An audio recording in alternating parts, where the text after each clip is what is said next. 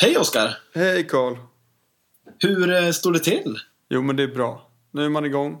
Man är i Stockholm. Det är sommar. Du är i Stockholm? Ja, nu är jag hemma i Stockholm. Men du, jag trodde du var i Skåne nyss. Ja, nej. Det var, det var länge sedan jag var i Skåne. Men äh, mycket resande fortfarande. Sist var väl i, ja, hunnit med Göteborg och Småland och ja, av Dalarna sedan dess. Alltså du far runt eh, som tusan. Vi går om varandra lite grann. För nu, jag sitter i Göteborg och du sitter i Skåne. Och, eh, men vi, vi, förhoppningsvis så parar vi ihop oss igen här alldeles, alldeles snart va? Ja, ja men snart. För ni hade sjösatt nu, eller hur? Vi har sjösatt i helgen exakt. Vi eh, polerar hela sidorna, vi målar om botten och höll på. Men vi har inte mastat på än, men vi har sjösatt. Ja, jag har ju varit ute och premiärseglat med Lamorena. Jag såg det! De Ja. bilderna alltså. Ja, Herregud. Riktigt härligt. Från eh, Norsholm, Göta kanal där norr om eh, Linköping. Och sen eh, upp till Stockholm då. Så gjorde det på Hur lång- två dagar. Vadå, hur lång tid tog det att segla ut från Motala? Jag hoppade inte på i Motala, jag hoppade på i Norsholm. Men det, gick, det tog väl tre dagar kanske. Ja, okej. ja, det brukar väl ta något sånt. Ja, det spelar ingen roll hur snabb båt man har. Det, är liksom... Ja, det, det spelar ingen roll för slussarna är i vägen. Nej, men det är skitbra. Det var svinfin segling upp sen från Mem. Kalasvindar liksom. Och de kvällsbrisarna var riktigt fina. Vi låg i så här 8-9 knop och pålade fram. Riktigt läckert. Helt odramatiskt. Jag kom på, jag har en liten rolig historia att berätta för dig. Ja, Ska jag ta den direkt? ja kör. Förra veckan så hade vi after work med jobbet. Uh, och då var det en kille med som, uh, han agerar lite så här rådgivare och sånt där för det är ett startupbolag jag jobbar på. Han heter Peter. Och vi skulle då på after work och började med på trappen på vägen ner liksom ut här och så skulle vi gå mot Avenyn här i Göteborg och så började jag och Peter prata lite grann och ja, jag frågar, det första jag gör egentligen frågar typ så men Peter är du, är du intresserad av båtar och sjöliv och sådär? Han bara, ja, ja, jo, men det är jag väl, svarar han. Ja. Varpå jag då fortsatte det här och, och liksom började prata om den här podden och ja, lite snack och sånt runt den och prata båtar och det ena och det andra. Ja, och sen gick vi 10 minuter, 15 minuter och pratade bort mot Avenyn Mm. här och, och snackade liksom. Och någonstans där på vägen så, så inser jag att, att jag frågar liksom, "Ja, men vad, vad sysslar du med mer än, än att rådgiva oss liksom? Och så, Ja. Nej, men jag gör det ena, det här och det här. Och sen så har jag en... eh, Nej, jag, jag har ju något som heter blur.se. Var det Peter Gustafsson du träffade? Snyggt. Det, alltså det, det sjuka var ju liksom att jag kände ju igen honom. Det kändes som att jag liksom har träffat honom 700 gånger.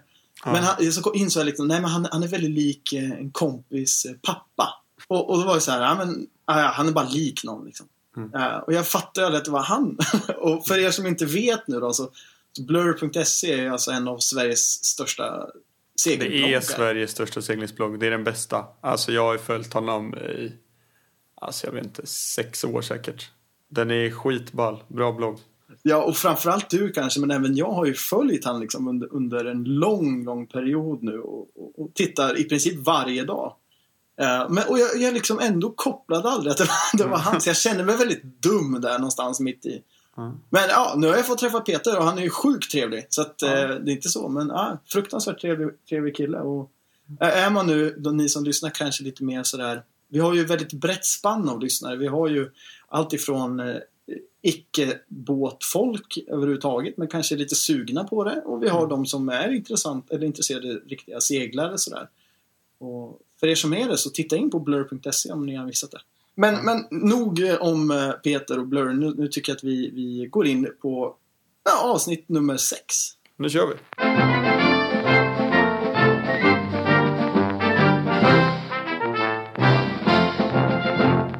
Vi pratades ju vid för två veckor sedan. Eh, nej, det är, ju, det är inte två veckor sedan vi hördes vid, men det var två veckor sedan jag tipsade dig om en podcast som heter, vad hette den då? Värstingresan. Värstingresan, precis. Ja, den P3-dokumentären. Ja, har du hunnit eh, kolla eller? Ja, jag lyssnade på den här om dagen. Det var riktigt spännande. Kul. Med att använda då båtar som någon typ av rehabiliteringshem för så kallade värstingar. Alltså folk som har hamnat snett i, i, i livet och på dålig bana. Ja, det här var väl något projekt där av svenska staten på 80-90-talet om jag minns det rätt, eller?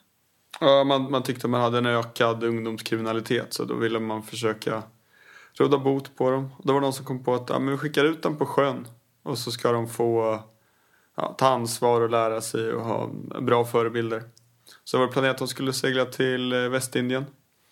Men det stack ju på, i ögonen på folk. Så det vart, det vart eh, jäkla media på den där. Men riktigt spännande, lyssna på den verkligen. Skitbra. Mång, många ansåg väl där lite grann att, eh, att det är egentligen en lyxresa de får åka på. Och ska man belönas genom att göra brott genom att få åka på en sån här lyxresa så tyckte folk det var orättvist och sådär. Men så jag är lite sådär tve, tvestjärtad höll jag på att säga. Men, Mm. äh, jag vet inte riktigt vilket ben jag ska stå på. För att samtidigt så, så håller jag ju med allihopa att det är kanske, kanske lite väl eh, lyxigt eh, att få åka på en sån. Eller många vanliga människor skulle ju uppskatta det något enormt.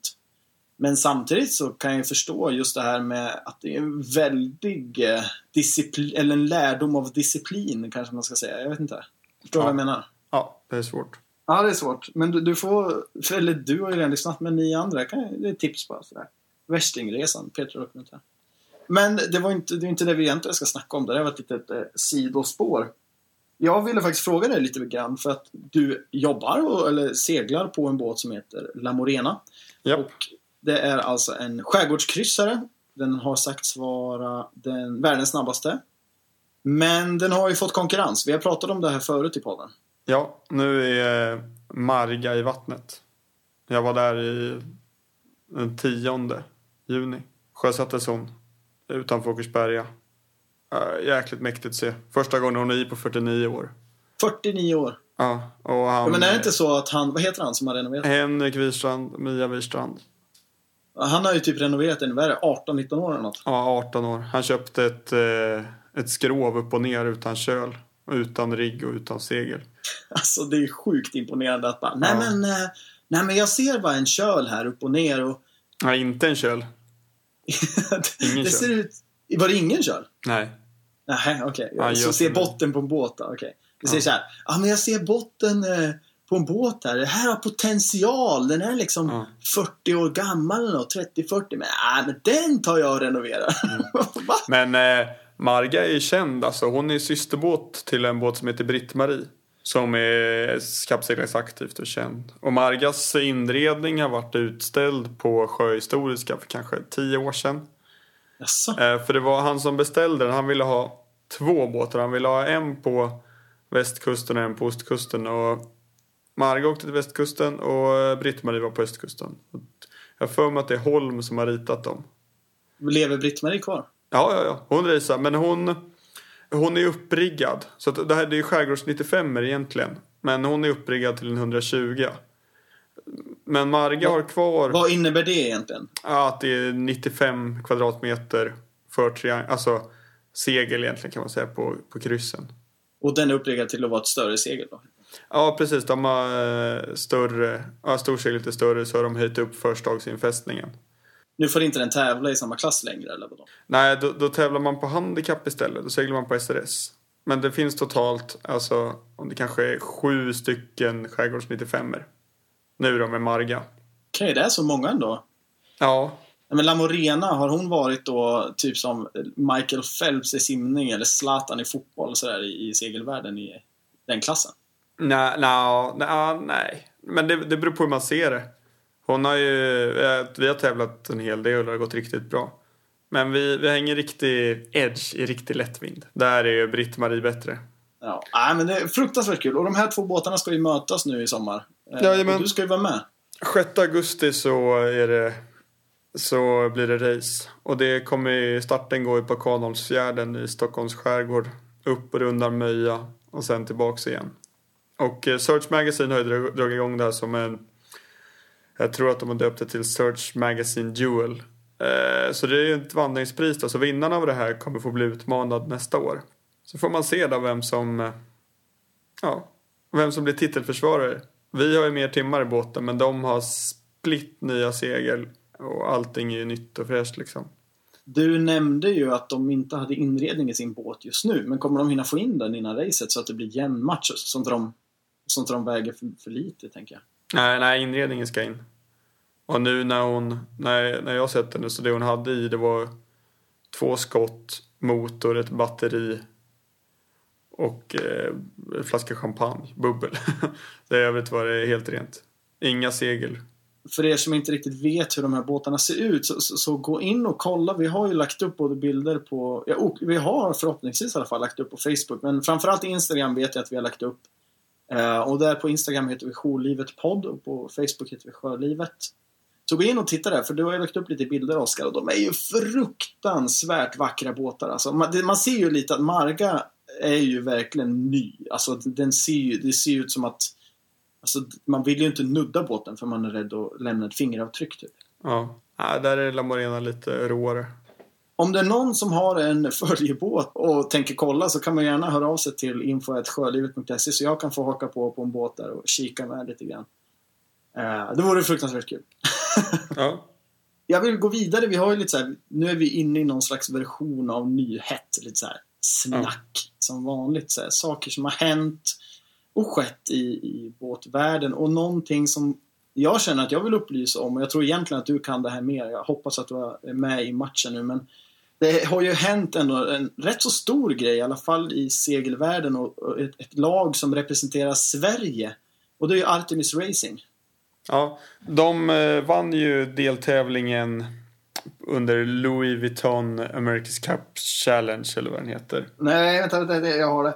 Eh, Louis Vuitton America's Cup World Series. Det här det är noga i den här världen. Ja, eh, och det där var ju då eh, kvaltävlingen till, till America's Cup, en av de deltävlingarna som gick i Chicago.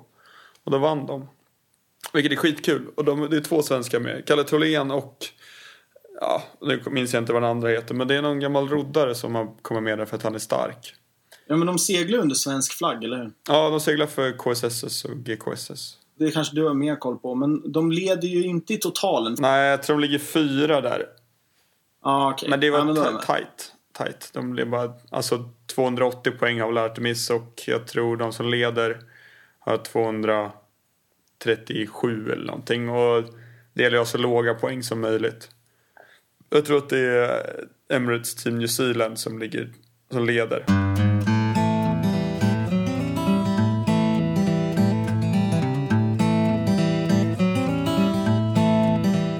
När jag eh, seglade över Atlanten och kom fram i Barbados så började, eller jag bodde med en, en holländsk kille. Vi hörde ju faktiskt han i första avsnittet här när han berättade om när han gick på grund, eller gick på en container, förlåt, körde på en container med sin pappa då utanför England och sjönk. Eh, Victor Poen heter han. Han och jag bodde ihop och eh, han skulle ta dykarcertifikat och jag hade det sedan tidigare. Men det slutade med att medan han tog det här certifikatet och var ute och dök med tuber så passade jag på att Eh, fridyka rätt mycket. Jag är ju gammal simmare och jag, jag älskar att fridyka. Det är någon slags... Ja, det är både respekt och någon slags frihet för det. Och precis utanför, bara så här 100 meter utanför Barbados strand där, så låg det alltså säkert 20-tal vrak. Alltså det är ju stålvrak, de är ju hyfsat nya då. Men eh, så fruktansvärt häftigt att dyka bland de här och jag är ju lite så här dumdristig som jag är liksom. När jag var yngre så klättrade jag i träd med skridskor av någon anledning. Så jag är lite sån här. Så jag dök ju... ja, sån var jag. Men jag får ju alltid för mig att göra lite så här dumdristiga saker. Så jag dyker ju gärna, fridyker liksom där 15-20 meter ner och sen in i det där jävla vraket. Nu svor jag, det får man inte göra. Men in i vraket och ja, simma runt och så upp igen. Men det är en alltså, så fruktansvärt häftig, häftig charm och, och någon elegans i det hela. Och nu så läste jag bara för, ja, nu är det ju säkert två veckor sedan och sånt om inte ännu mer. Så hade de hittat vrak, i Sto- nya vrak då, det finns ju massor. Men de hade hittat två nya vrak i Stockholms skärgård. Ja, det är ju där eh, mitt inne i stan. Där Off Chapman ligger, där vandrarhemmet. Och det är ju där, det var väl i samband med att de eh, höll på med någonting inför bryggorna som ska vara för OF Offshore Race, alltså Gotland runt. Så hittade de väl de där gamla träbåtarna från, vad var från 1500-talet. Alltså här tänkte jag att jag hade en nyhet som hade undgått dig. Men det finns inget som undgår dig, Oskar. Jag filtrerar allt, mycket dödtid. Nej men så de, de här vraken då var ju typ så här från, de har ju inte riktigt färdigdaterat dem än, men från 1500-1600-tal eller något sånt där. Mm. Eh, och de skulle, det som jag fastnade för i det här, och varför jag minns det så tydligt är någonstans för att eh, jag reagerade på att de skulle göra 3D-modeller av skeppen. Och sånt tycker jag är jäkligt häftigt alltså. Ja, det är skitballt. Och anledningen till att vi har sådär Alltså det finns ändå ganska mycket vrak eh, i Östersjön och framförallt gamla träbåtar som, en, som inte finns någon annanstans i världen på grund av att vi inte har någon skeppsmask då. Ja, är det därför de inte förmultnar då? Liksom? Nej, nej precis. Det är inget som käkar upp dem. På västkusten så försvinner det ju. För att de, det krävs helt, alltså marina förhållanden, att du har en hög salinitet. Ja. Eh, Men man är orolig att man ska få in skeppsmask i Östersjön. För att container och andra fraktskepp de, eh, de suger in barlast. Och det suger de in någonstans och sen åker de och tömmer ut och så gör de det någon annanstans. Och där är man orolig att det ska komma mera. På så sätt skulle det kunna komma in skeppsmask tror man. Och det skulle ju vara ja, ödesdigert för många vrak. För vad jag förstått, alltså jag har egentligen ingen kunskap om det här, men eh, så, så finns det rätt så mycket vrak just runt just Stockholm. Ja, ja. Gamla båtar som man inte har råd att hålla igång eller det varit ineffektivt eller någonting. Då låter man dem bara ligga.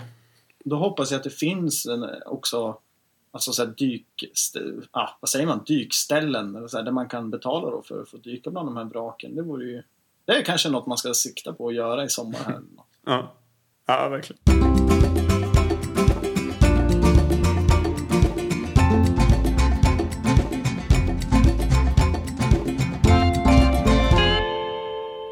I helgen som var nu så var jag och tittade på M32 Series i Göteborg här vid Lindholmen, eller Lindholmspiren. Och jag, jag åkte väl dit främst för att titta på, på showen som, som faktiskt erbjuds och sådär. Men, men jag var även där för att heja på Arvid Bild bland annat som var med här i, i podden. Första eller andra avsnittet kanske det var han var med. Första tror jag. Men även ja, de andra i hans team där, Johan Bäckström bland annat. Och, och de tävlar ju då för Team Essic, eller Essic Team, uh, i de här M32 Series. Och det är alltså katamaraner som tävlar och går riktigt, riktigt fort. Vi la upp några bilder från det här. Och det var, det var ett väldigt event runt det hela. Det var mycket som hände, det var en riktig show. Och så vidare och så vidare. Men jag, jag tänkte att vi ska lyssna lite därifrån. Jag passade på att spela in lite och eh, sådär. Så jag, eh, vi lyssnar därifrån, från alltså M32 Series, bara för att ta en liten titt hur det såg ut där i helgen. Sådär, nu står jag här med Johan Bäckström. eh, och som tävlar för eh, Team Essig. Stämmer bra det. Hur, eh, hur, det är ju tävling idag. Idag är det och, eh, hur känns det? Det känns bra. Det är sista dagen här på M32 Series i Göteborg. Och vi har 10-12 meter. Så det kommer bli, eh, kommer bli jävligt kul. Och det har gått rätt så bra de här dagarna, eller? Hur, vad, vad säger du? Ja, upp och ner har det gått. Ja. Så det behöver bli lite jämnare. Det var igår ni hade några tvåor och några Ja, ni... vi hade en eh, näst sist, Ja, en- två tvåor och Ja, så, just det. så lite upp och ner. Men hur är förhoppningarna idag? Ja, vi försöker väl eh, segla upp oss så mycket som möjligt. Jag tror, kan man hålla sig borta från att krocka och från straff idag så tror jag att vi, eh, vi kommer upp på pallen faktiskt. Kör vi seglar upp oss lite. Men för, för oss som kanske inte är så insatta, när det blåser, sist jag såg er, det var i Stockholm och då blåste det inte så mycket men ändå gick det riktigt fort. Ja. Och idag blåser det betydligt mer. Det gör det. Hur fort går de här båtarna nu i de här vindhastigheterna? Eh, idag tror jag vi kommer upp i 25 knop faktiskt på länsen. Med Jennaken då, så att det kommer, eh, kommer tycka på. Plus att det är ganska smalt här inne. Ja, Så det är det. eh, Vi tittar på banan här och det, det, det här kommer bli kul. Det kommer bli kul. Det är spännande som fan. Men du, du får lycka till. Ja, tack så jättemycket. Tack! Och sen har vi då han eh, Vilden, eh, Niklas Dackhammar, han gör fjärde säsongen. Han har gjort det här jättebra hittills. Och vi presenterar Essig Racing Team!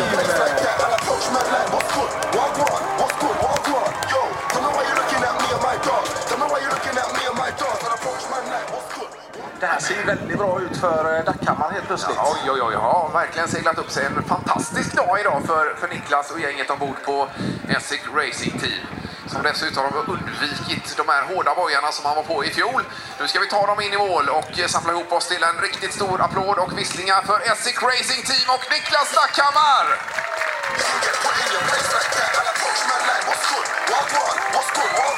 Ja, helt klart. Ja, riktigt bra. Och vi sa ju där, det här vädret det kommer att passa Niklas Dackhammar. Nu eh, står jag här med Johan Bäckström och Arvid Bild. Så kan vi göra. Mm. Och eh, vi kom in här inför finaldagen på en femteplats om jag har rätt, eller? Helt Stämmer bra. Ni eh, tar er upp till en fjärdeplats innan finalracen börjar. Ja. Sen kommer finalracen. Första racet vinner ni överlägset. Det gör vi. Vi seglar bra där. Ja. Det var riktigt bra seglat. Ja. Och sista racet, ni leder, ni tar, en, tar er upp. Jag trodde efter en start där, jag som inte, min oprofessionella blick, så såg det starten sådär, ja ja. Men tar er upp till en riktig ledning och dyker. och dyker. Vi får, vi får lite problem uppe vid, eh, vid ena märket och där börjar båten luta väldigt mycket och dyker och vi är nära på att välta. Eh, vilket gör att vi, eh, att vi tappar till fjärde plats. Det kommer en, eh, kommer en liten vindby där. kommer en liten vindby kan man säga. Eh, Men- och från våran vy såg det ut som att hela båten var under vattnet. Eh, Mer eller mindre, i alla fall halva båten. halva båten. Vi var- satt ju fortfarande i luften liksom. Ja, så det var jo, jo. och sen så tar ni er ändå upp till, vad vad vart ni där i racet? Tredje va? Ja, vi seglade upp oss till en tredjeplatsen då. Och ni slutade på totalen som trea. Trea. Bästa, bästa svenska är viktigt att säga här. Ja, det är viktigt. Men jag Det är tycker, viktigt. jag tycker ändå att vi är nästan värda en, eh, att ta hem Ja. hela regattan för att vi, vi seglade så jävla bra idag. Och räknar man ihop dagen för sig så har vi nog den bästa dagen av all, alla då. Så. Det såg så ut. Ja. Ja, hade vi slått eh, USA där i sista så hade vi kommit tvåa istället. Det var lite surt. Ja. Det, hade vi, ja, det var ju den dykningen som gjorde det där liksom. Men vi, eh, vi är bäst när det gäller och på Marstrand den 4 juli så drar Stena Match Cup igång. Eller som det nu mera heter i år, Match Cup Sweden tror jag. Ja. Där eh, kommer vi då toppa formen här nu i två veckor. Och då kan vi tillägga att den prissumman är inte så dålig. Den är inte dålig. Vad är det? Det- En, en miljon dollar? Det är en miljon dollar, amerikanska dollar. Det är ju det är helt sinnessjukt. Ja, det är grymt. Kom du ihåg vad jag sa innan här innan vi stack ut idag? Ja, jag har det inspelat. Vi har det på, på ljud. Ja. Jag repeterar. Inga straff, inga krockar. Då är vi på pallen. Japp. Det hade vi inte då. Och ni gjorde det även med en rejäl dykning. Det gjorde vi. Ja, det Den bjöd vi på liksom. snyggt. Ja, lite show. Ja, men det är viktigt. Det Ja. är viktigt. Det är många här som är och tittar på er idag, många vänner. Eh, och det är klart ni måste Prestera. ja. visa Vi måste- lite. Vi måste showa och prestera. ja, riktigt bra. Så är det. Grattis grabbar! Tack så mycket. Tack.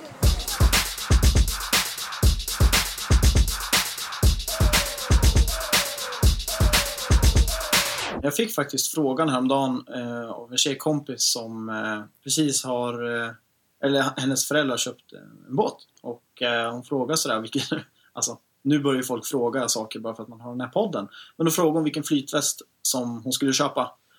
Och det fick mig att tänka lite grann för flytvästar, det finns ju olika beroende, alltså lite olika syften. Alltså, barn ska ju ha en sorts flytväst till exempel, för att de är barn. Jag tänkte inte jättelång stund ska jag väl erkänna, men lite grann. Men just flytvästar är en sån här extremt viktig sak. Och vad, vad jag rekommenderade till henne var, du vet en sån här flytväst där man liksom kan säkra sig själv också. För det finns ju vanliga sådana här, då pratar jag om flytvästar som har så här kolsyrepatroner. Ja, upplösbara. Exakt, så de är små och i- ihopknögglade kan man väl säga. Det är inte en sån här vanlig gammal traditionell orange med stora flörpar utan den är mycket mindre, nättare och sen är det någon patron i då som gör att den, den blåser upp vid behov om den blir blöt. Liksom. Och en sån rekommenderar jag, men om man ska köpa en sån, försök kanske inte köpa sån här med vanliga spännen utan en, en med faktiskt en som man kan säkra sig själv. Förstår du vad jag menar? Ja, ja verkligen. Nej, ja, det, det, det tycker jag om man ska ut och segla. Men åker man motorbåt så ser jag nästan ingen anledning att ha en sån. Den blir bara tyngre och klumpigare. Men eh, är man ute och seglar ska man definitivt ha en sån. Men egentligen, va- va- varför inte när man åker motorbåt också? Alltså, varför jag rekommenderade att, säkra sig, att ha en sån man kan säkra sig själv är ju för att det finns ju alltid en risk av att man ska åka över bord. Och framförallt om man hamnar i stor sjö, alltså då menar jag att det är stora vågor, kanske mycket vind. Och när vågorna är så pass stora, om du då ramlar av båten, kanske till och med om ingen ser på båten, då är det ju typ kört. Men även om någon ser att du ramlar av, då räcker det med typ två vågor bort. Sen ser de inte dig längre. Och då är det skitsvårt att hålla pejl på vart du var. Framförallt om du har liksom horisont åt alla håll. Men sen är det också så, har man en mindre motorbåt då är man oftast inte ute när det är dåligt väder. Och eh, speciellt om man sitter kanske inomhus. Och då kan man tycka att den här flytvästen blir för klumpig och för grov och då struntar man i att använda den istället. Så att det, det finns ju två sidor av det där myntet också. Men man ska ha en flytväst man använder, annars, det är den bästa. Ja, he- hellre flytväst än ingen. Ja, det Ja. säger vi. Och, och det fick mig också att tänka, för nu, jag minns tillbaka på när vi var på sjö, sjö vad heter det då? Allt för sjön. Allt för sjön, ja. Eh, ja, och då träffade vi en tjej som jag inte minns namnet på. Kommer du ihåg vad hon hette? Hon Jag gissar på Ebba. Ebba. Vi, vi, vi säger Ebba så länge. Vi, Ja. vi, men det, det låter Förlåt dig kanske Ebba. Ja. vi, vi träffade i alla fall en tjej från Transportstyrelsen och vi passade ju på att göra en liten intervju med henne och snacka lite med henne. Och vi till och med gjorde en film, eller jag spelade in när hon då visar hur man skulle kunna, eller hur man servar sin sån här flytväst och kollar att den är okej. Okay, för det behövs ju göras med jämna mellanrum, inom typ varannat år i alla fall, minst va. Ja. Eh, gärna kanske varje år, bara hålla koll på den. Och någonstans där så, så kommer jag ihåg att vi sket i det där. Vi hade ju tänkt ta med det i de avsnitten, och så, men vi sket i det för att Ja, om det var du eller jag, det minns jag inte. Men vi lyckades på något sätt ta bort den ljudfilen. Det försvann. Det försvann. Jag vet inte. Vi, vi är ju inte experter på det här, du och jag. Nej. Hålla koll på filer och sånt. Vi kan annat. Men inte... vi kan, ja. Men den filen försvann. Men jag vet, och jag har kollat på den där videon. Och jag vet att ljudet faktiskt duger. Från då själva videokameran. Därför bestämmer jag här nu Oskar att, att vi lägger, jag kommer lägga upp den här videon så att ni får se och gå gärna in då på jourlivet.se eller sjölivet.se och titta på den här videon för där kan man då se enkelt hur man faktiskt kontrollerar sin eh, flytväst och, och servar och kollar egentligen att den är okej. Okay. För det är ju så att den kan, den kan slitas ut, patronerna kan bli gamla, det kan bli hål i flytvästen så om patronerna är hela så kan den ändå pysa ut och så vidare. Och hur man då kollar det här helt enkelt. Ja, skitbra. För det är nu, det är typ nu man ska kolla lite innan säsongen verkligen är igång. Så man inte står där i båten liksom och lastat ombord all mat och sen så bara tjena flytvästen, själva bobinen har passerat bäst före datum. Fredag kväll sent. Bättre att gjort det där lite innan.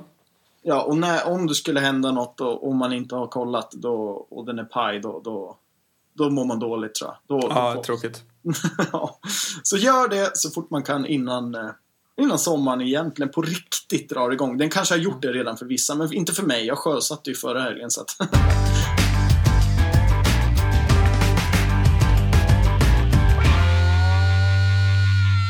Hej! Hej! Hej! Hej Karl! Hej Boel! Hur är läget? Jo men tack, det är bra. Hur är det själv? Det är bra. Det är jätte, jättekul att du är här med i podden. Jag tänkte att du skulle få ja presentera dig lite kort. Vem är det vi pratar med här egentligen? Ja, eh, jag heter Boel. Jobbar som interaktionsdesigner i Stockholm. Jag är egentligen från norr om Örnsköldsvik. Jag har bott här nu i Stockholm i fem år. Och, och, vi pratar ju av en anledning. Det är ju så att vi mm. har ju träffats i person här och så där, Och då berättade du en liten häftig historia för mig som jag tänkte att jag ville dela med mig av, eller vi ville dela med oss av i podden. Precis. Den, eh, det handlar ju om hur hur det kommer sig att jag köpte båt. För att jag har faktiskt köpt min eh, första båt här nu. Eh, och jag har ju ingen erfarenhet alls eh, av eh, båtar så mer än att jag har varit med eh, morfar ut på, på sjön liksom, med motorbåt. Men nu är jag faktiskt ägare av en Maxi 77 segelbåt. Eh, det började faktiskt av förra sommaren. Jag har ju som sagt varit bott i Stockholm i fem år nu, femte året när man är uppvuxen i Norrland, så här skog och mark och då är det väldigt vanligt att man har så sommarstugor och man far ut på helgerna och somrarna. Man har liksom alltid ett ställe att åka till när man vill vara ute i naturen och det finns alltid vatten runt omkring och sådär. Ehm, det har man ju inte riktigt i Stockholm, speciellt inte när man inte har en familj här. Det blev som varje sommar blev mer och mer, vet, man fick panik. Och förra sommaren då bestämde jag mig att nej men den här sommaren då ska jag utforska skärgården hade hört talas om Sandhamn. Eh, jag tänkte, ja men det, dit kan man ju åka. Det är ett ställe i Stockholm. man kan åka ut dit utan att ha båt själv. Så jag ringde, jag bokade ett hotellrum ja. Och så ringde jag en kompis på kvällen där och hörde liksom, ja men vad gör du imorgon? Nej, inte mycket alls. Jaha, men du jag tänkte åka till Sandhamn så jag ville följa med. Ja, varför inte? Så. Ja, vad bra. Jag har redan bokat hotellrum och allting. Så att vi ses imorgon bitti i Centralen. Va? Ja, så stod vi ut dit och supermysigt. Och så stoppade vi på lite kompisar eh, faktiskt till henne. Hon är från Umeå. Så då eh, hade de seglat ut dit två gäng. Så vi hängde lite med dem och så tänkte jag kul med segelbåtar. Var ska ni nu? Och de skulle ut till ute då. Så det vill jag ju också göra. Så förutom att jag hade sagt att jag skulle utforska skärgården eh, så hade jag också bestämt mig för att jag skulle vara den bästa versionen av kvinna som finns. Äh, men att det är så trå tråkigt tycker jag i så här storstäder. Det kan bli lite dålig stämning tycker jag, många, många tjejer. Så man är ute på krogen. Så jag tänkte jag ska vara den som pratar med alla tjejer och vara supertrevlig. Och, då, och det var på så sätt jag träffade en tjej som heter Caroline. Vi såg varandra över baren och, och klickade direkt faktiskt. Så, sen hängde vi där på ute. Och hon hade en segelbåt, eh, en Maxi 77 som jag tyckte var asnice. Jag tänkte fan vad häftigt. Där. Hon och hennes syster hade en segelbåt tillsammans. Och det var väl där någonstans fröet såddes tror jag. Så då när sommaren var slut och så där, då kände jag att fasen, man kanske ska ha en segelbåt. Det är ju det man ska ha. Jag har ju lärt mig det nu. Det är, det är ju livet. Så då började jag gå ut på Blocket och kika segelbåt. Kunde ju ingenting så jag fick ju börja läsa på och hålla på. Och så ser jag ju då, då ligger hennes båt på Block. Så jag ringde. Men Caroline, ska du sälja din båt? Ja, säger hon. ”Jaha, du, jag köper den. Va? Ska du köpa en båt?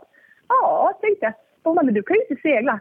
Nej, men just det ska jag ju lära mig nu. Så jag köpte hennes båt och ja, köpte den där i höstas i slutet på augusti. Så fick jag börja där med, med upptagning och du vet, hela faderullan. Eh, så det är ju väldigt lärorikt och så. Men det var på den vägen. Jag bara beslutade jag. Jag har ju börjat vi tog förarintyget där i höstas och ja, har varit ute några gånger nu. Men det är ju skitläskigt. Alltså, jag undrar ju fortfarande vad jag håller på med. Men eh, man får ta det lite som det kommer. Man får inte vara rädd att, att be om hjälp eller att ta hjälp som blir erbjuden till en. Eh, det har ju varit liksom en av grejerna faktiskt, att det här har gått så himla bra. För det är som sagt, man har ju, jag har ju ingen koll alls, men man märker det ganska tydligt att många av de här båtklubbarna, jag är medlem i tre båtklubbar, men alla är ju så himla hjälpsamma. Folk brinner ju för det där, de vill ju hjälpa. Bara man vågar ta hjälpen så finns det hur många som helst som tycker det är så roligt och bara att det kommer in dels unga människor men också kvinnor. Så jag tror bara att man inte får... Man får ta för mycket stolthet liksom, att man ska klara allting själv. Ja, jag- Utan vara öppen för att, att man kan få den här hjälpen. Men, men ni har ju varit ute nu, om jag förstått det rätt, lite grann här i, i början på sommaren. Ja, jag försöker lura med mig mina, mina vänner här. Um, jag tycker det är viktigt att de känner sig också trygga. Jag känner mig ändå rätt, rätt trygg. Så här. Jag har bra koll och sådär. Men eh, jag tycker också det är viktigt att då mina... Jag för faktiskt ut med mina tjejkompisar eh, för att försöka få, in fler med det här på, på samma bana som jag så att det blir lite lättare. Det är det som är det svåraste egentligen. Och så, nu i början vill jag inte segla själv. Om du har något tips nu då till folk som kanske är lite sådär, vill ta efter dig här nu, att kanske inte är så vana på sjön men ändå är Mm. vad, vad, Är det något speciellt man kanske ska tänka på? I vilken ände ska man börja? Oj. Ja, alltså det första som jag gjorde egentligen det var att ta en ordentlig funderare. Så här, har jag råd? Ehm, vad, vad måste jag lägga undan varje månad för att kunna ha en buffert för att klara av det ifall någonting skulle gå sönder och så vidare. Så det var mycket först att kolla ekonomiskt, det gjorde jag. Ehm, men sen är det ju, det är ju faktiskt lite det här med båtplats också. Att ha någonstans att ha en båt. Eh, nu hade jag ju turen att eh, eh, ha båtplatsen innan jag fick båt eh, för att jag råkade ha rätt kontakter. Men det är ju, det är ju mycket det. Och sen så här, försöka se till att ha kanske någon i alla fall som, som finns där och kan hjälpa. Men annars är det väl mest bara så här, ja, möta rädslor. För det är ju en, det är en rädsla att göra någonting som man aldrig har gjort förut. För man är ju livrädd att man ska misslyckas och man är ju liksom orolig över det. Och det är därför man inte vågar kanske. Så jag tycker det är sk- skitläskigt, men också jättehäftigt. Jag är jättestolt med mig själv att jag vågar. Du vet, så här, första jag gjorde var här, köpa en fet bok. Tror den här Norstedts här, stora bok om segling. Så bara, nu måste jag läsa. Men det kändes ju lite hårt. Så andra kapitlet var så här, trimma ryggen. Jag bara, "Uff, jag vet knappt vad en rygg är, kände jag då. Jag fick man gå tillbaka lite. Precis. Och förhoppningsvis här i framtiden nu så kanske vi får höra mer av dig och höra lite grann hur det har gått och tips och tricks och, och Ja, precis. Det är absolut. Eh, Jag kan ju säga i alla fall direkt så att det var jättegivande för mig i alla fall att gå den här förarutbildningen. Eh, För där fick man verkligen lära sig grunderna. Vet, läsa sjökort, ta ut rutt, eh, mäta avstånd. Ja, men bara grunderna, liksom sjövett och sånt där. Mycket känns ju logiskt, men det är ändå skönt att veta. Så här, ha tre signaler back, okej, okay, då vet jag. Eller ja, väjningsregler och, och sånt där. Så det var verkligen bästa grunden, tyckte jag. Som sagt så hörs vi ju snart igen kanske då här i sjölivet. Ja, men precis. Fortsättning följer. tack Får vi se hur sommaren går. Du, tack själv. Hej då. Hej, hej. Jag läste en, en, artikel, det var en kille som har, har, skrivit en ledare kanske man ska kalla det istället. Och han, han hade döpt den till Varför vattenskotrarna? Det han egentligen syftar på var att det diskuteras mycket nu om man ska införa lagar och regler för typ körkort eh, för just, eh, alltså något slags, alltså skepparexamen eller förarbevis för att köra vattenskoter. Eh, och han menar väl på att om det ens ska införas, varför bara vattenskotrarna? Liksom? Man kan ju köra en 14-årig, 13-årig liten pojk kan eh, köra en eh, ribbåt med 200 häst som går i 40 knop typ. Och, och, och, och det är inte, han, han tyckte väl då att det inte är jätteskillnad på de två ja, vattenskotrar och de här båtarna helt enkelt. Eh, och jag, jag är ju jag måste säga att jag är ju faktiskt väldigt, väldigt för något slags förarbevis eller, eller skepparexamen för att få köra båt. Jag säger kanske inte på alla båtar, men alltså, som skepparexamen idag, då är det regler. Du måste ha skepparexamen om du har en båt, kör en båt som är större än 12 gånger 4 meter. 12 lång och 4 bred. Och jag tycker att det kanske ska införas även typ så här förarbevis i alla fall, som ändå är väldigt simpelt att ta. Att kanske då ha det på båtar som är längre än eh, ja, säg 8 meter och kanske går snabbare än 10 knop. Lite sådär för att eh, i min erfarenhet så eh, inte för att jag säger att den är stor eller så, men, men av saker jag varit med om så, så blir jag ofta, minst en gång per sommar, så, så känner jag mig som en sån här bitter gammal gubbe Eh, och det händer, tro det eller ej, väldigt, väldigt ofta. Senast förra sommaren så skulle vi gå under en bro i Karlsborg med vår segelbåt och vi hade grönt och så möter vi en motorbåt i full fart. Det är fem knop för det första. Han kör betydligt mer än så. Och han har ju rött. Men det, ja. vi ropar så här, men har du rött? Eller hade du rött? Han bara, vadå? Eller hade du grönt? ropar vi. Han bara, vadå grönt? Och då blir man så här, om man inte ens kan rött och grönt ljus, då har man inget på sjön att göra. Nej, verkligen inte. Men också alltså, någonstans att vara ute på sjön är ju en frihetsgrej. Så att jag, jag är lite emot, eller är ganska mycket emot faktiskt, eh, kör, alltså någon form av körkort då till sjöss. Ja, men inte om det är liksom att man utsätter andra för någon slags risk, eller? Nej, nej, nej, men eh, fan. Då ska man inte, då hoppas jag att det är där det ska styra, att då ska man ha ett samvete. Där det ska vara, tycker jag, det snart kanske ska finnas någon typ av morot till att eh, Alltså skaffa sig utbildning. Som idag, man har oftast billigare försäkringar om man har om man är utbildad till sjöss. Och, och sånt tycker jag mer ska premieras. Mer morot istället för låsande. För det, det blir oftast inte bättre med, med förbud. Och det är så jävla tråkigt med förbud. Då blir det också, vem ska kontrollera det där? Ska, ska polisen och kustbevakningen vara ute och kolla körkort på folk som är ute och kör? Eh, alltså, jag, jag tror det bara kommer bli en ihålig lag snarare då, alltså på något sätt. För man, man måste ju kolla då också statistiken liksom. Vad, sker, vad, hur, vad är det flest olyckor som sker? Jag tror snarare att de, alltså att alkohollagen har mer, eh, alltså har större befogenhet eller den, den har det funnits ett större behov av än någon typ av båtkörkort.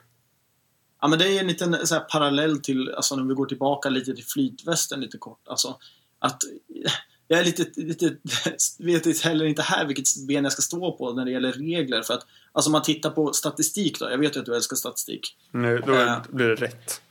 Ja, ja, precis. Och, och det är ju så att det är ju typ nu, åh, nu står siffrorna lite still i huvudet, men det är jättemånga, säg att det är 9 av 10 ungefär, eh, reserverar mig för några procents fel, men 9 av 10, 90 procent ungefär, som har dött då i olyckor. Eh, utan flytväst. 9 av 10 hade överlevt om de hade haft flytväst. Och också statistik som visar på att största majoriteten av de som inte använder flytväst, de är mellan, eller över 50 år, män.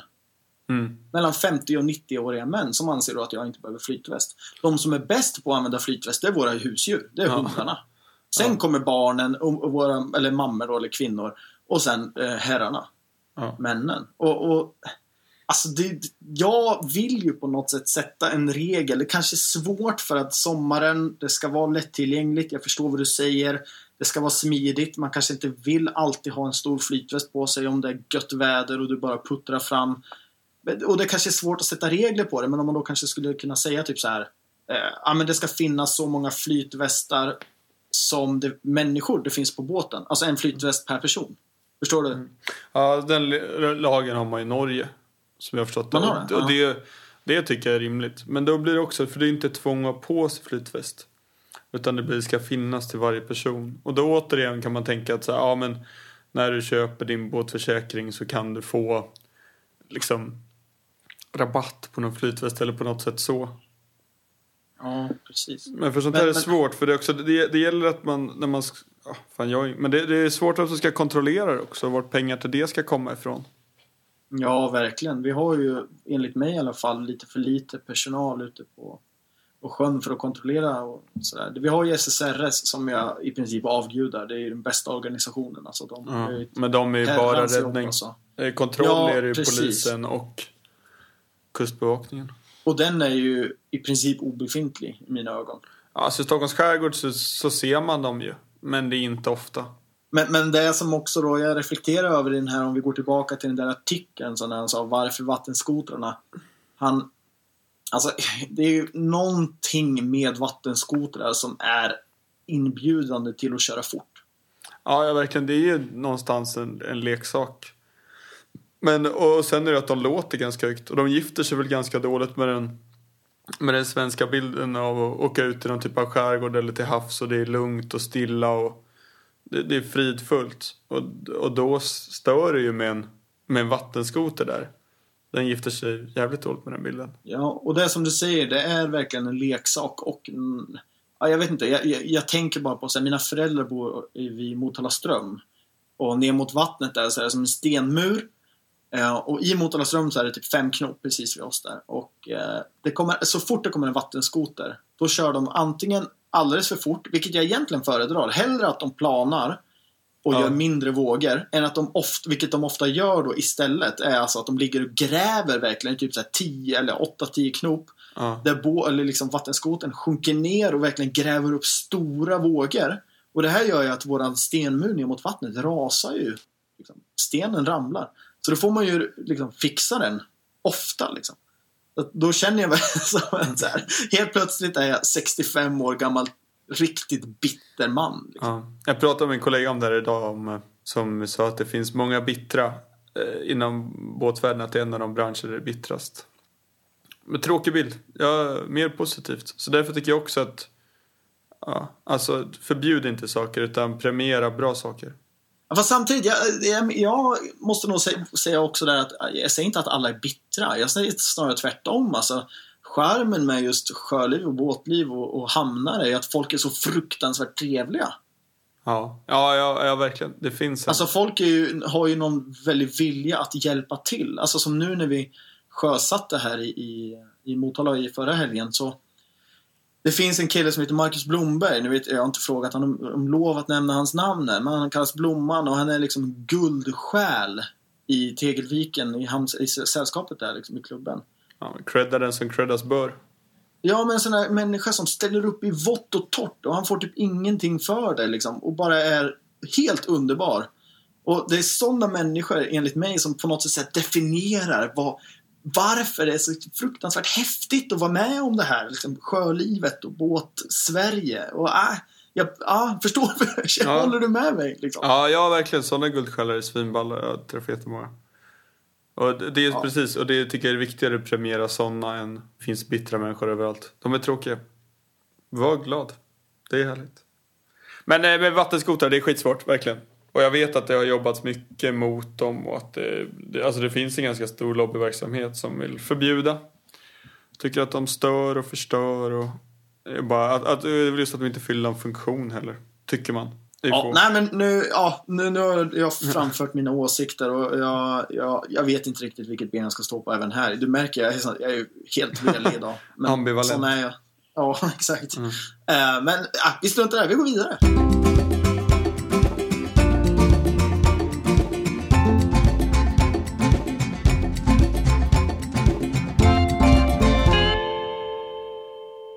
Jag eh, sjösatte ju som sagt eh, förra veckan här, eller förra helgen, våran båt, eller min fars och mors båt. Och eh, vi fick den i sjön liksom, men vi har inte mastat på. Och nu kommer inte jag kunna närvara när de då mastar på. Nu har ju mamma och pappa gjort det här många, många, många gånger. Så att de kan det. Men jag tänker också att det är en, en process. Det är inte alltid så lätt. Eh, och nu önskar jag här att du som är expert på Oskar. Ja, det är, väl en, eh, det är väl ett stressmoment i mångas ögon att masta på. Det är, det är något som ska lyftas upp och masten är oftast rätt stor och den, det kan blåsa och det flänger och det är mycket att hålla koll på. Ja, just... kan, kan, du inte tipsa lite grann så här, små saker vad man, vad man kanske ska tänka på? För, för, jag, för någon, nu vet jag inte exakt, några år sedan nu så, så satt vi på våran båt och så var det några som skulle masta på och vi såg inte när det hände men vi bara hörde en rejäl smäll liksom. Mm. Och då sprang vi bort till liksom, eh, ja, där man mastar på helt enkelt och eh, då har liksom hela, hela mastfoten då, botten på masten, gått igenom alltså båten. Gått genom däck? Precis. Så att det såg helt fruktansvärt ut och de var ju helt förkrossade. Och det var en äldre man och en, en dam. Eh, och vi var ju där och hjälpte till och sådär. Men alltså det, det förstörde ju hela deras sommar. Så det ja. kan ju hända saker om man inte riktigt kanske är förberedd och inte har gjort det förut. Men ja.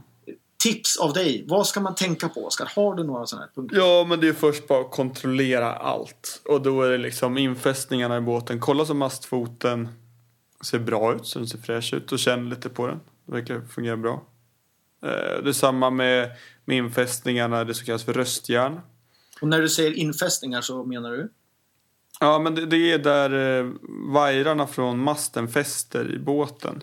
Och då ska man kolla så att, eh, alltså då har man ju gänger ofta där. Eller om man bara har, vad heter det, en sprint. Det ser lite olika ut på olika båtar. Men man ska kolla så att det ser bra ut. Så att det inte känns som att det är svampigt i däck eller att något sitter löst som inte ska vara löst. Eller att något som är löst sitter fast. Så det måste man ju kolla igenom. Eh, och, och, sen så att allt ja, det ser schysst ut. Och sen samma sak på masten. Då går man igenom och kollar efter, efter rost och sprickor i infästningar. Och så känner man på vajrarna också hela vägen så att det inte är någon kardel som det heter. Så att någon av de här vajertrådarna har liksom eh, gått sönder och flärpat upp sig. Precis, och det känner man ju fort. Då blir det ju vasst liksom. Så man bara känner med fingrarna längs med. Ja, precis. För det, då tappar man både styrka och man river upp fingrar och segel. Och sen eh, smörja vantskruvarna lite. Kolla igenom eh, vad heter det, alla löpande rigg, alltså fallen. Se till så de eh, ser fräscha ut för det är mycket lättare att byta när, när masten ligger på marken. Och kolla lanterner och antenner och kablar så att det inte är något trassel med det. Jag har själv suttit uppe i masthopp ganska många timmar och försökt trä igenom VHF-antenner, koaxialkablar. Jag vet att det inte alltid det är inte alltid superkul och det är, man ska popnita fast någon beslag och det är allt möjligt som ska göras. Så, så ja. kika igenom, alltså planera. Jag har två, två tips till där, mm. flika in. Eh, det första är ju tejp. Alltså någon slags tejp för att tejpa runt just infästningarna och, och, och vassa det, där det kan vara vasst på, på vanten och stagen, metallvajrarna. Alltså just för att seglen lätt revas upp på dem. Och sen så tänkte jag på, du, du skällde ju på mig här någon gång för några veckor sedan för att eh, jag råkade ju erkänna för dig där när jag spände vanten och stagen så ja. använde jag lite fel verktyg. Minns du det? Du körde en skruvmejsel in igenom. Det får man ju absolut inte göra. Då bänder man ju sönder dem. Man ska ha en schysst tång, helst en fast nyckel, men eh, skiftnyckel går också bra. Man ska ha två. Ja. En som mothåll som du håller på vajern och en eh, vad heter det, som du håller på, på i själva vantskruven då, som du drar åt den med. Då, då blir det bra. Och pappa, om du lyssnar nu också så, så kom ihåg det här nu, nu lär vi oss saker. Vi, vi har kört med skruvmejsel ja, oh. i tio år tror jag. Ja. Nej, men då, det, är, det, är, alltid så här, jag lär mig alltid någonting nytt när jag pratar med dig Oskar. Det, ja, det, är det som är guldet i det här tror jag. Mm. Har du något mer tips där? Ja, men sätta an riggen bra. Och sen så efter ett tag brukar man få efterdra dem för att ofta är det så att man, man sätter an dem ändå ganska hårt. Och då kan det vara så att båten reser sig lite eller så att den har legat lite annorlunda på Eh, på vintern så den har saggat ihop lite och sen drar man upp den igen och då kan det vara så att det blir lite slack i grejerna igen. Så då får man eh, ja, tajta hem det som har de spänningarna som har släppt. Och sen kanske det, det avslutar med det viktigaste tipset, eh, i alla fall från min sida tror jag. Och det är, gör det inte själv. Nej. Och gör det gärna med någon som har gjort det förut och, och varit med och kan lite grann. Uh, framförallt om det är din första gång. Uh, och var, egentligen ju fler desto bättre. Två eller fler. Uh, det är nästan regel måste jag säga. Och ha med kaffe och en bulla. Se till att det är trevligt. Så det inte bara blir ett ångest och stressmoment utan det ska vara... Nej, just. Man håller på med båtar för det är kul.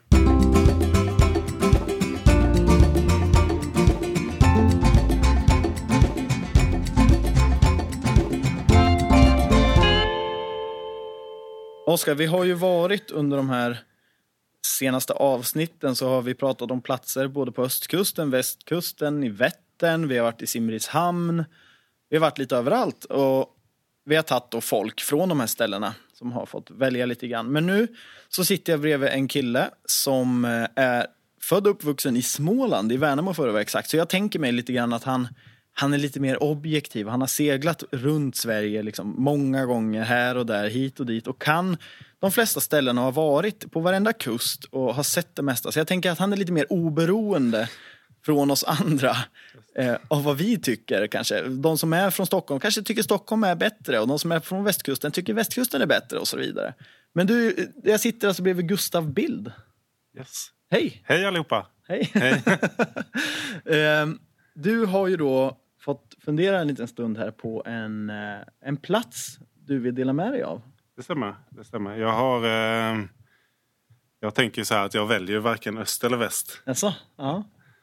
Nej, jag skämtar faktiskt. Eh, jag, kör, jag har faktiskt valt en plats på eh, västkusten som jag tycker är... Eh, jag tror det bästa. Den, den, en riktig pärla på västkusten som heter Kärringön. Och detta är en liten, liten eh, ort. Eh, ganska långt ut i kustspannet. Jag tror faktiskt det är den mest... Nej, det kanske... Jo, men jag tror det kan vara den mest västliga bebodda ön i, på västkusten. Utan att säga för mycket. Det här får ni ta bort ifall... Kan vara. Det kan vara. Det kan också vara Väderöarna. Men, men den är väldigt långt ut i kustspannet och ligger ganska rakt mellan Göteborg och Strömstad.